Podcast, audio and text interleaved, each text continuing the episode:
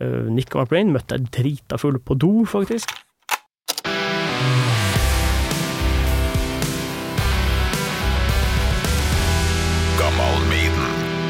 Hei sann igjen. Håper du som hører på har det bra. Det er rare tider. Nærmer seg jul, og vi skal helst holde oss hjemme og ikke møte folk. Men nå skal du få selskap av det jeg tror må være Norges største Iron Maiden-fan, Runar Pettersen. En kar som har mye til felles med alle oss som kommer fra bygda, der vi venta i årevis på å få tilgang til ja, Maiden-kassetter og sånt da, på 80- og 90-tallet. Han er nemlig sjøl ifra Gokk, vil jeg påstå. Så Scream for me Bugøynes i Finnmark. Her er Runar.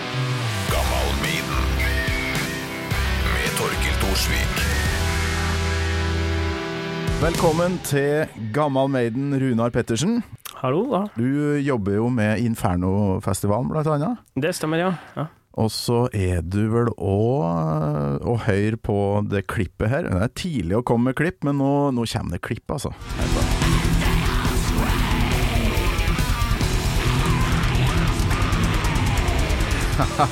Det er tøft, da. Jo, takk, The. Devil's Rejects uh, Season of the Witch, ikke sant? Stemmer, stemmer.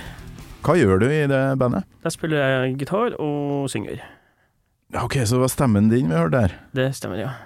Du kødder. Altså, nå sitter du her og er rolig og, og spak, da, men eh, du, du har altså det her villdyret her inni, inni kroppen. Ja, man kan si det sånn. Jækla bra. Men uh, viktigst av alt, kanskje for min del, var at uh, det dumpa jo et uh, magasin i postkassa mi nylig, som Ja. heter Invaders. Stemmer. Spekka med Maiden-snadder, da, for sånne Ja. som meg. Og, og det har du laga nesten helt alene, eller hva er greia? Ja, helt alene. Helt 100% alene? alene, ja. Fy flate! Det er jo helt vilt, for jeg husker det sto på Facebook eller noe sånt, eh, på Maiden eh, fanklubb-sida der. Er det noen som kan være interessert i å kjøpe et, eh, et lite Iron Maiden-magasin? Og jeg bare tenkte eh, oi, nå er, han, eh, nå er han karen her veldig beskjeden, for ja, ja, ja, send meg et med en eneste gang. Og utrolig bra. Hvordan kom du opp med ideen på å, å lage et sånn eget magasin kun for Maiden? Nei, jeg, jeg jobber jo til vanlig i Scream Magazine, uh, som jeg jobba en del år, og da har jeg gjort noen intervjuer eh, med diverse Iron Maiden-relaterte mennesker, da, som Derek Riggs og sånn. Og så når eh, koron koronaen eh, dukka opp, så fikk jeg litt mer tid. Det ble lockdown, og tenkte jeg faen, nå Jeg har alltid hatt lyst til å lage et eget Iron Maiden-magasin, for det er jo dødskult. Og da tenkte jeg nå har jeg faktisk litt tid til det, så jeg gjorde noen flere intervjuer, og så begynte jeg å lære meg måtte jeg lære meg hvordan man lagde design. Eh, Jeg måtte lære meg Adobe InDesign, og så, så satte jeg i gang, da, og så ble det et magasin til slutt. Mm. Jeg tenkte at om så jeg bare trykker én, så er det kult for min egen del, men så ble det jo såpass bra at jeg, det ble også salgsbar, liksom. Så mm. Ja visst. Eh, Hvor mange er det som har kjøpt det? da? Altså, det her må jo alle Maiden-fans være interessert i, tenker jeg da. Jeg trykte opp eh, 300 eksemplarer, og nå har jeg solgt eh, 250. Ok, så nå må folk bare skynde seg hvis de skal Ja, Ja, Det første jeg tenker på når jeg åpner det her, altså, så ser jeg du har uh, vært i samme gata som Derek Riggs uh, var i for å få inspirasjon til det første Maiden-coveret, ikke sant. Uh, her snakker vi en fyr jeg må ha på besøk her. ja, det Så vi, vi må jo egentlig bare uh, få vite med en gang om du, hvor det starta hen. Husker du første øyeblikket da du hørte ei Maiden-låt? Ja, det gjør jeg veldig godt, for det, det var faktisk en annen her også i Gamle Maiden som hadde samme øyeblikk, men han huska ikke detaljene.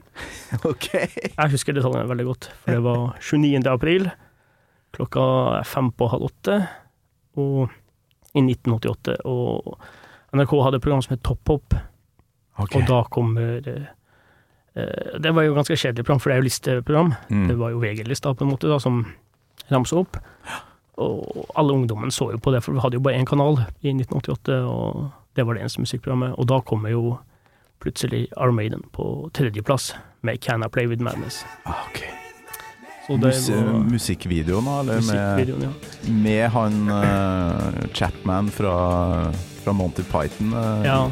i rollen som lærer der. Ja, ja. Og da var jeg bare ti år gammel, da, så den videoen gjorde jo vanvittig inntrykk. Ja. Og spesielt som man har jo ikke hørt så hard musikk. Det var jo en NRK spilte jo ikke så veldig hard musikk. Mm. Eh, ACDC var kanskje det hardeste de hadde på den tida, da, og, så det slo jo meg bare som en wow-opplevelse. Og spesielt videoen, den var jo helt vill. Så da var det jo ute og snakke med alle kompisene etterpå, for det var jo på en fredag det her, og det var jo bare rett ut eh, etterpå og bare så dere den videoen der, og, og da visste jeg ikke hvem Eddie var, så jeg beskrev det som en slags skjelett han så på himmelen, og, og drev og tegna etter, og, og alt det der. Så det var jo en opplevelse. Det her eh, må jo være det mest detaljerte første Maiden-minnet jeg noen gang har hørt. Men eh, ja, som du sier, NRK altså på 80-tallet var, var veldig lite å få se av eh, sånn litt skumle ting. Så det her måtte jo ha hatt en helt vill eh, impact da, på en tiåring. Ja visst, det var første gang jeg har sett en sånn type musikkvideo. Mm. Det var, fordi rock var jo ganske populært på, på 80-tallet. Mm. Men det var jo mer puddelrock og mye hårspray, store Ja, mye den type, da. Så det var ikke så mye ordentlig heavy metal sånn som Iron Maiden var. Den var jo en egen klasse for, for seg sjøl, da. Mm. Det er jo ikke noe tvil om at du er Maiden-fan. Altså, hver gang jeg ser eh, bilder av deg i forbindelse med noen Inferno-festivaler, et eller annet black eh, metal-opplegg eh, i- på en nettavis, så har du på deg Maiden-T-skjorte. Hva, hva slags skjorte du har på i dag? I dag har jeg på meg Bring Your Daughter to the Slaughter. Oi, oi, oi. Eh, det er den er offisielle.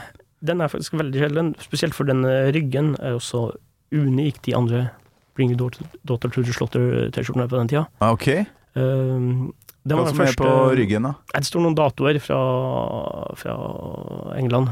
Ok, sånn turnéliste. Ja. Eh, okay.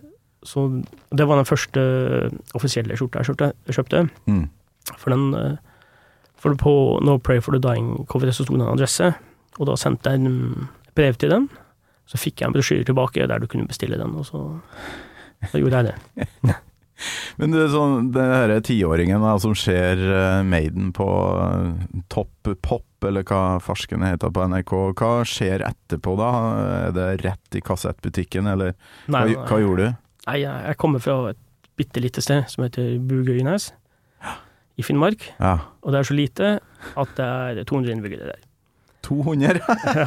Så, Det er mindre enn Kolvereid, gitt. så nærmeste musikkbutikk var eh, ti mil unna, i Kirkenes.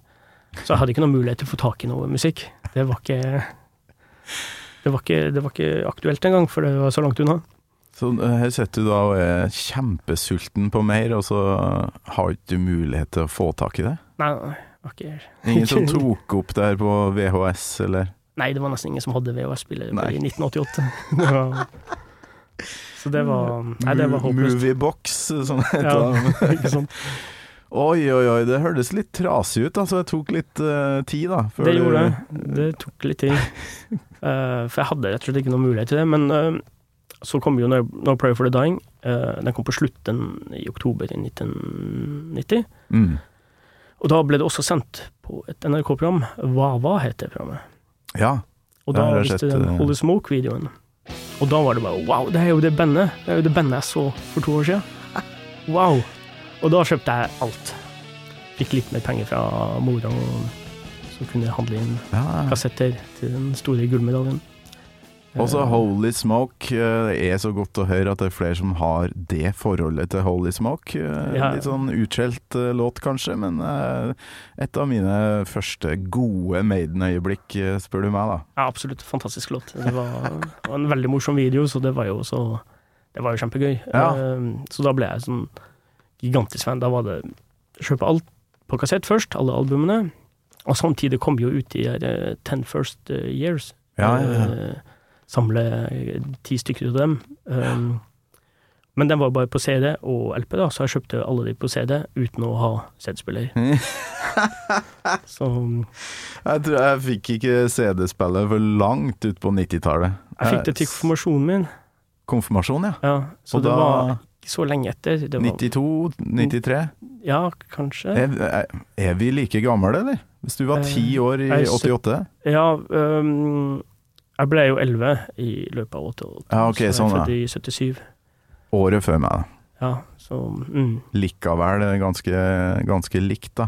ja. Men du fikk altså uh, tak i det, så du hadde en bunke med CD-er, og så fikk Ja. du ikke hørt på dem. Så jeg gleder meg veldig til å, å få hørt på dem. Det her er Bygda-Norge på, eh, på 80-tallet i et nøtteskall, altså. Eh, Jeg hadde ikke noe vindu mot verden sjøl, altså. Det eh, hva, Jeg hadde ikke MTV, jeg hadde ingenting. Måtte få folk til å ta det opp Ja, på VHS. Sånn var det. Man hadde én kanal, og det var håpløst. Det var håpløst.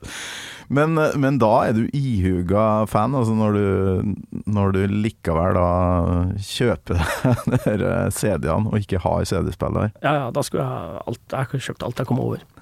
Det var, Fantastisk. Jeg må jo spørre hvilken låt du da har uh, tatt med deg, for nå har du jo fått hørt uh, Regner med du har fått deg CD-spiller og har hørt katalogen. Uh, hvilken låt har du valgt deg, Runar? jo, det Jeg kunne egentlig valgt hva som helst, uh, for alt er jo fantastisk. Men jeg hadde lyst til å velge noe episk, siden det er de episke låtene som er absolutt, mine absolutt favoritter. Mm. Og siden alle de andre episke låtene fra 80-tallet er allerede tatt, så ble det To Tame a Land. To Tame a Land. Oi, oi, oi. Vi må, vi må komme i stemning.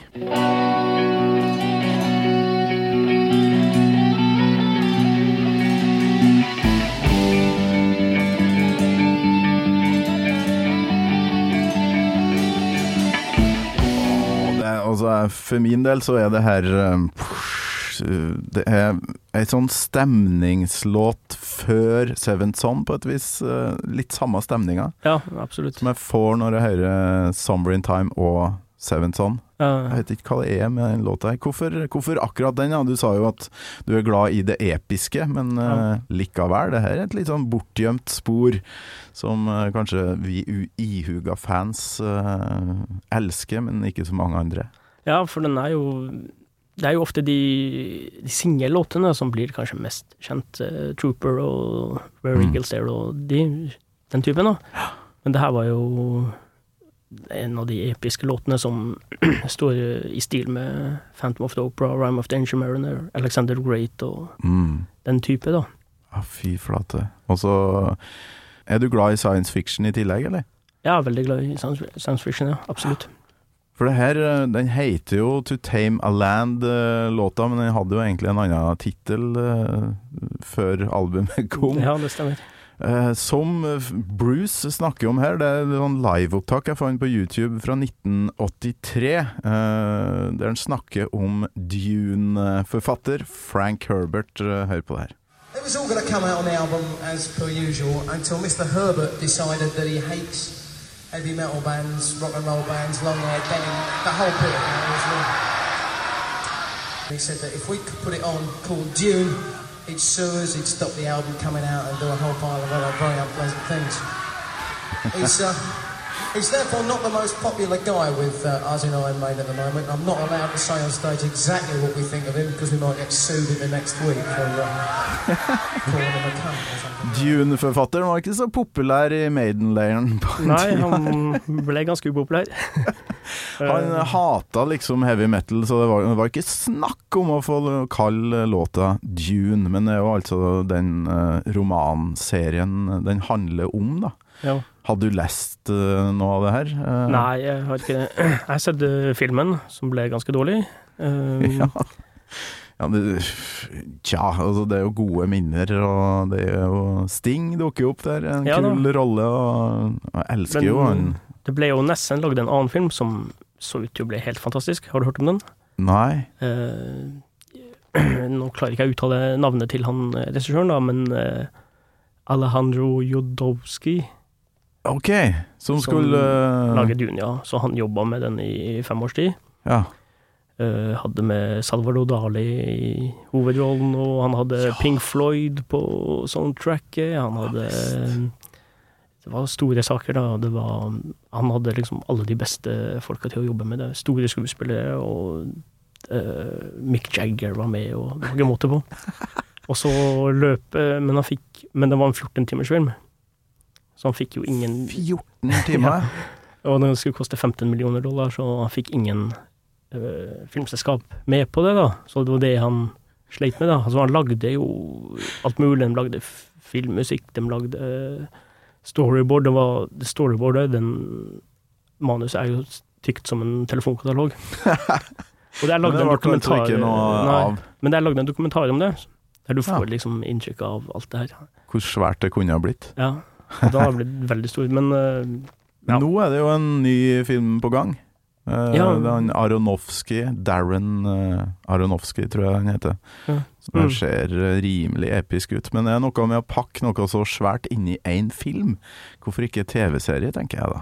ja, det var jo ikke så vanlig med TV-serie på For det her er 70-tallet. Men det her er jo da Steve Harris, eh, vil jeg tro, som har sittet og kosa seg med Ja, for han var science jo fiction. veldig stor fan. Ja. Han var jo kjempestor fan, øh, så han, øh, han elska jo den bokserien, da, som består av seks bøker. Eh, Men det var bare så synd at Frank Herbert ikke likte den type musikk. Men den, ja, jeg har jo med meg Peace of Mind. ja, du har det, ja? Den portugisiske utgaven. Der har du LP-vinyl, ja. Ja, Oi, oi, oi. og Vakkert. sjekk siste, siste spor på Skal vi se, her er jo Eddie i, i tvangstrøya på, på Peace of Mind som vanlig, og på baksida uh, Quest for Fire, Sun and Steel. Og der står det Der står det Dune, ja! Ja, for det var Spor såpass sent i prosessen at de fikk nei. Coveret var allerede lagd, og ikke alle land rakk å forandre på det. Og det der er porto, portugisiske pressingen, da, som Der det ble fortsatt Dune.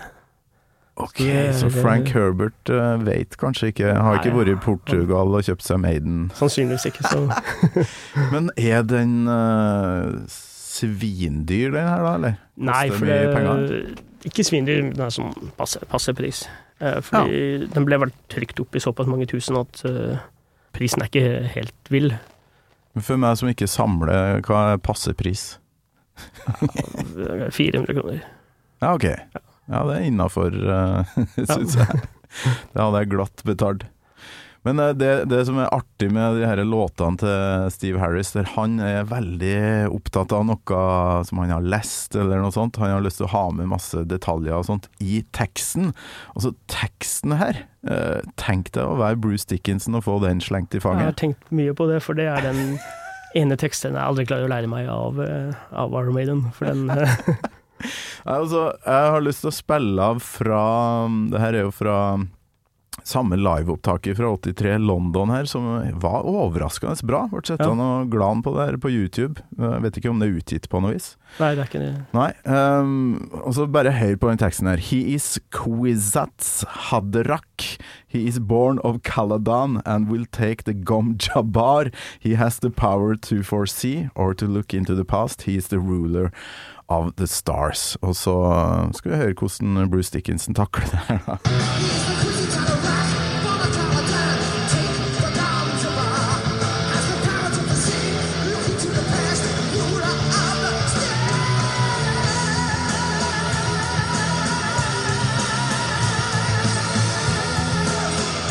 Altså, det her er jo det herligste øyeblikket i hele låta, når han går opp på Stars der. Ja.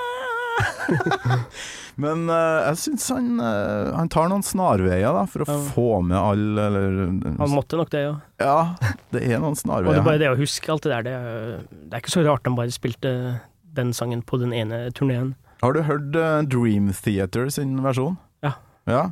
Vi må nesten, eh, bare for sammenligninga sin del, eh, ta en liten lytt på deres versjon òg.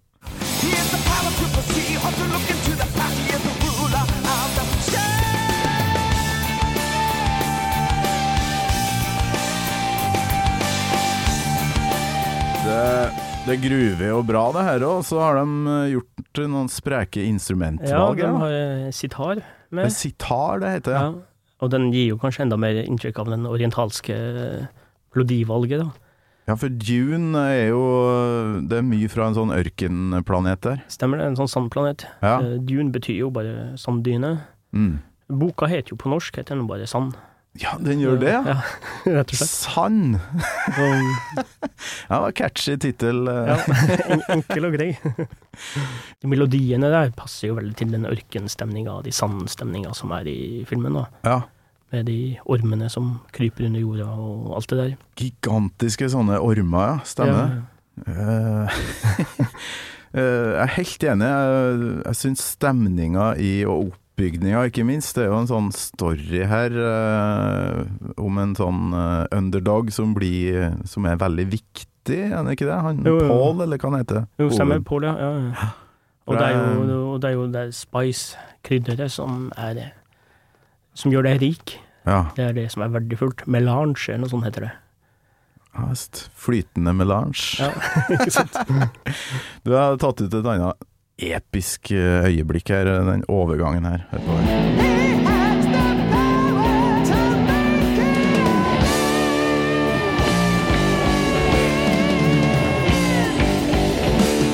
Ja, du får følelsen av at uh, her handler det om en, eh, en Messias, altså. En, Ja. en gigantisk, uh, episk fortelling. Og det, Absolutt, absolutt. der er de jækla gode. Ja.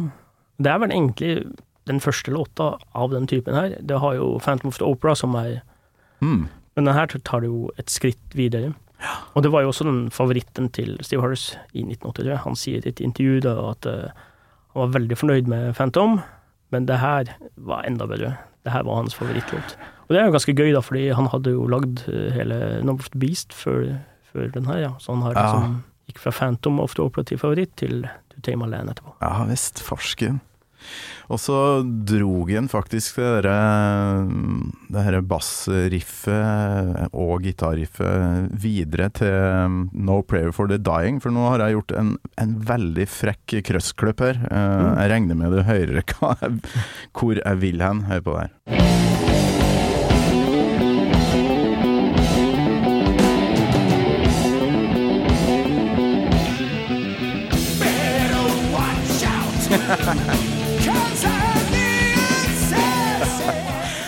den er kanskje litt stygt gjort, jeg vet ikke. Ja, nei, det, Det, det er det er likt, ja. et halvt sekund med, med jækla tøff bassing som, som rett og slett bare tatt med videre.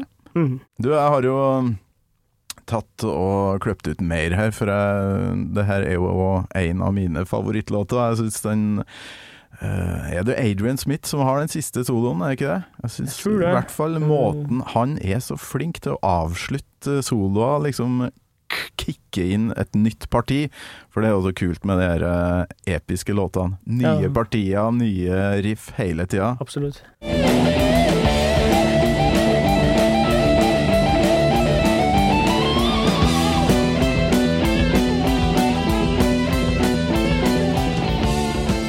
Og det her eh, deilige riffet bare går og går, Ja. og ikke minst den bassinga til Steve her òg. Ja, bassinga er jo helt eh, rå på den.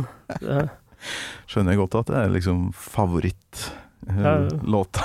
til Steve Harris, for det må være artig å spille, men ikke så mye eh, på settlista etter eh, den turneen der. Ja, men det er veldig sjelden de har gjort de episke låtene flere Ja. ganger. da. Eh, Rhyme of the Ancient Mariner også ble jo spilt i, på den turneen. Mm.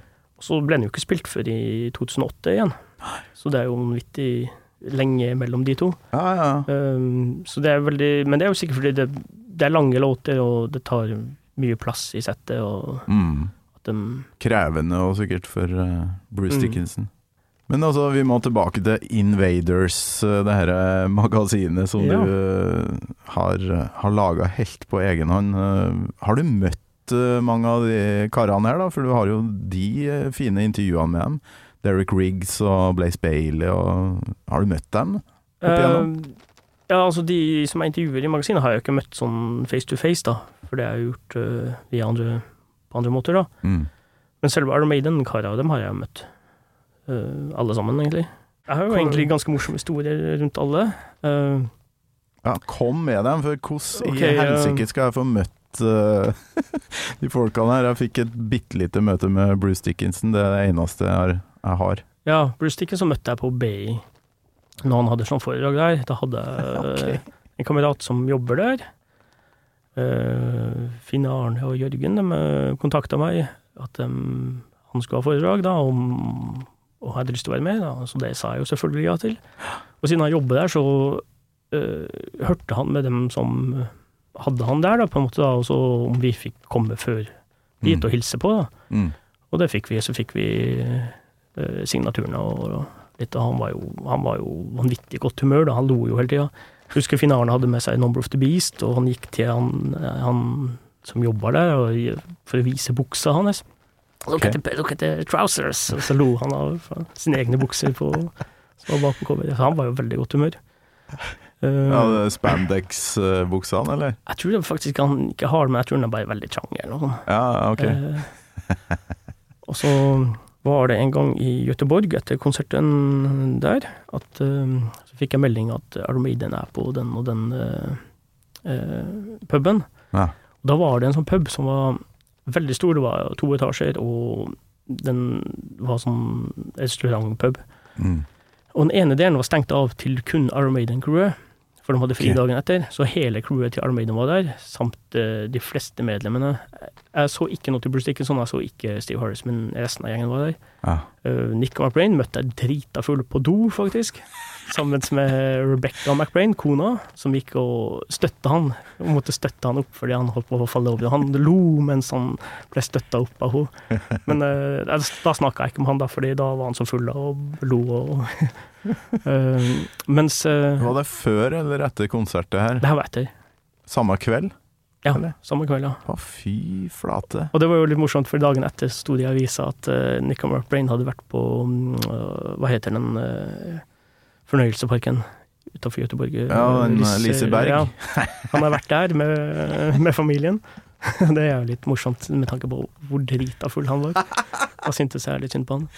En annen ting som var Det veldig morsomt Det egentlig godt å høre da, for en småbarnsfar at eh, og Nico McBrain må gjøre de tingene her innimellom. Sant? Altså, du, skal vi dra på Tusenfryd? Og så være Nei, har du den uh, hangoveren? Og så må du likevel være med og kjøre Ja. dere jævla karusellene. Ja, det var godt å høre. Så den samme kvelden så satt jo Adrian Smith og, og Dave Murray.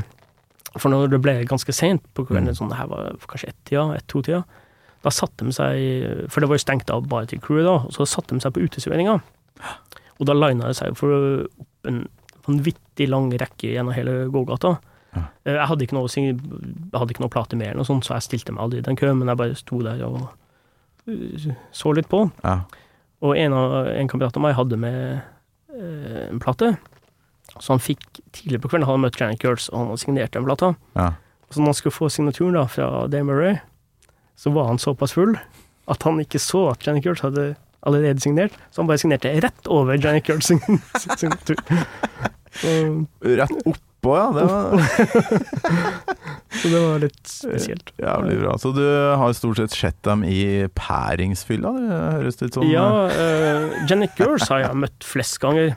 ja. Hadde jeg møtt eh, Ja, For han rusler seg gjerne en tur ut og Ja, eh, han møtte jeg på en pub her i, her i Oslo. Ja. Og da eh, Han var alene på puben. Så vi gikk jo bort og fikk bilde og sånn. Satt alene? Han satt alene, ja. så vi gikk først bort og fikk bilde og sånn, og så, og så ble kvelden litt Sånn gikk det en sånn halvtimes tid, og så satt han jo fortsatt alene, så da gikk man bort og begynte å prate litt med han. Og da ble han var i så godt humør, så vi sto jo hele kvelden og snakka med han. Fy Og da ble han også med å spille sånn shuffleboard. Så vi spilte jo shuffleboard med Nei, nei, nei, nei. Men hva tenker du da? For det, det her er jo religion for deg, virker det som. Eh, Og så står du der og spiller shuffle med gutten. Ja, det er det som er så gøy med Armenia, de er jo så jordnære at uh, de tar deg som en av dem, liksom. At de tenker ikke på at de er stjerner i det hele tatt. Nei, det der er spesielt. Jeg møtte han i Moskva òg, men da var han med crewet der. Men da var jo ungene til uh, Bruce Dickinson med. For okay. eh, Austin Dickinson uh, spilte i oppfølgingsbandet. Okay. Og Griffin Dickinson spil, eh, var med i crewet her i 2010 i Moskva. Eh, så de Yes. Men i, på den puben i Moskva så var det jo bare russere, så de kom jo og satte seg med oss. Så vi satt jo og drakk sammen med begge sønnene til Bruce Dickinson til klokka seks eller noe sånt på, på morgenen, morgenkvisten. Veldig hyggelig karer. Er utrolig bra. Hvor mange konserter har du vært på? Høres ut som du har vært verden rundt og kikka på. 51. 51. 51, eh, ja, så jeg har sett dem litt overalt. Ja.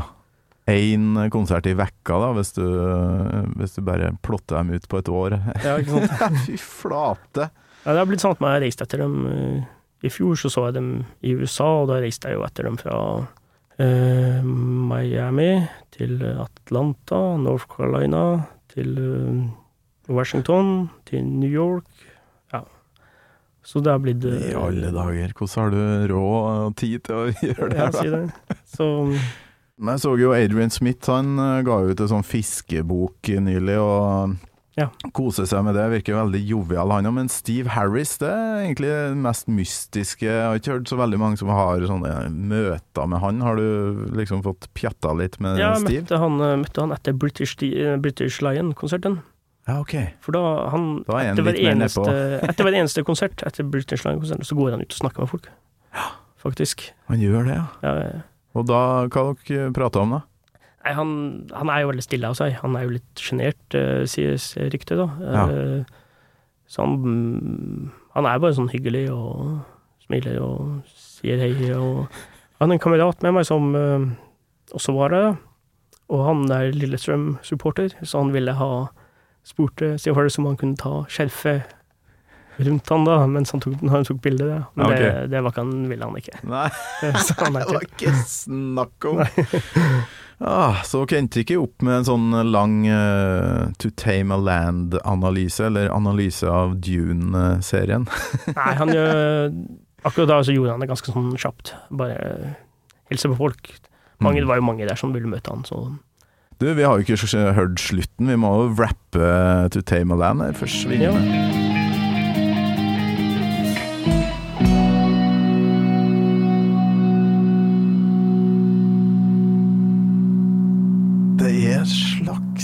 Sånn der um, gong eller noe sånt som ligger i bakgrunnen her. Ja. Langt i det fjerne. Ja, ja. Nico er veldig glad alltid når han får lov til å ta frem gongen. Det, det er jo en sånn gong inn i introen òg. når det harde begynner, så er det en sånn voldsom gong. Jeg er ikke helt sikker på hva, hvilken instrument som brukes der, men det høres jo vanvittig tøft ut i hvert fall. Du som har så mye kunnskap om Maiden, hvordan er det for deg å høre på gammel Maiden? Alle gjestene mine her, og meg ikke minst, som egentlig ikke vet så veldig mye. Blir du irritert? Nei eh, Ja, nei eh, Jeg blir ikke irritert, for jeg forventer ikke at folk skal ha den kunnskapen. Så det, men det blir jo litt sånn at du har litt lyst til å rette på ting. For, du, for det blir jo veldig ofte at det, små ting kan være detaljer er feil, da. Så det blir jo sånn Nei, det er ikke det. Det er Jeg sånn, det. sånn. Jeg vet det, jeg har det så mange ganger. Jeg har gått bort til PC-en og dobbeltsjekka sånn, nei. Men så la gå, da. Det, Ja, ja, Um, det er vel nostalgien som er viktigst her, så Det er jo masse feil i du, de offisielle kildene. Altså, masse feil. For eksempel uh, History of Our Maiden Part 1. ja, Masse sånn feil i datoer og det er det. ja. Ja, så når du dykker dypere inn i det, så befinner du ut at det kan jo ikke stemme, og det, han spilte jo det er vel En sånn typisk feil er jo at Doug Samson var med eh, Det står både i familietreet, den offisielle familietreet til Iron Maiden og, og den History Mm. part 1. At han var med fra 77 til 79. Det stemmer jo ikke. Han var med Han kom jo med i november 78. Ja. Så det er masse sånt. eh, Og en annen sånn typisk ting er jo Dave Murray sin, sin tidslinje, da. Det stemmer jo sjeldent. Mm. For han ble jo Det er jo ve- jo veldig morsomt, egentlig, fordi han ble jo sparka av eh, Dennis Wilcock listen. Fordi han ga visst en lusing til Dame Dave Murray. Og det er litt vanskelig å tenke seg, da. Ja, det At Den blide Dave Murray som aldri gjør noe galt, mm. får en lusing. ja, ja. Men det var visst noen damegreier. Koselige Dave. Ja, det var noen damegreier, da, så derfor Og det står jo ofte som feil i, i offisielle biografier. Også det um, Du er fasit eh, her, da. Jeg har gjort mye research. Gjort veldig mye research. Ja, det kan jeg tenke meg til. Du har farske meg dukka ned i det meste. Så nå, Ja. det, I den episoden her er det ingen som kan eh, ta oss på, håper jeg, da. Så Ja, det skal litt til. Runar Pettersen, tusen takk for besøket. Lykke til med Inferno hvis det blir noe av. Ja, vi får håpe det blir noe av. Ja. Uh, Vi satser på det. Og ikke minst med bandet Devil's Reject, som jeg gleder meg til å se live da neste gang, når jeg kjenner deg. Ja.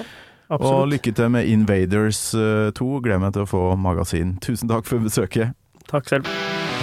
Gammal Maiden med Torkel Thorsvik, en podkast fra Radio Rock.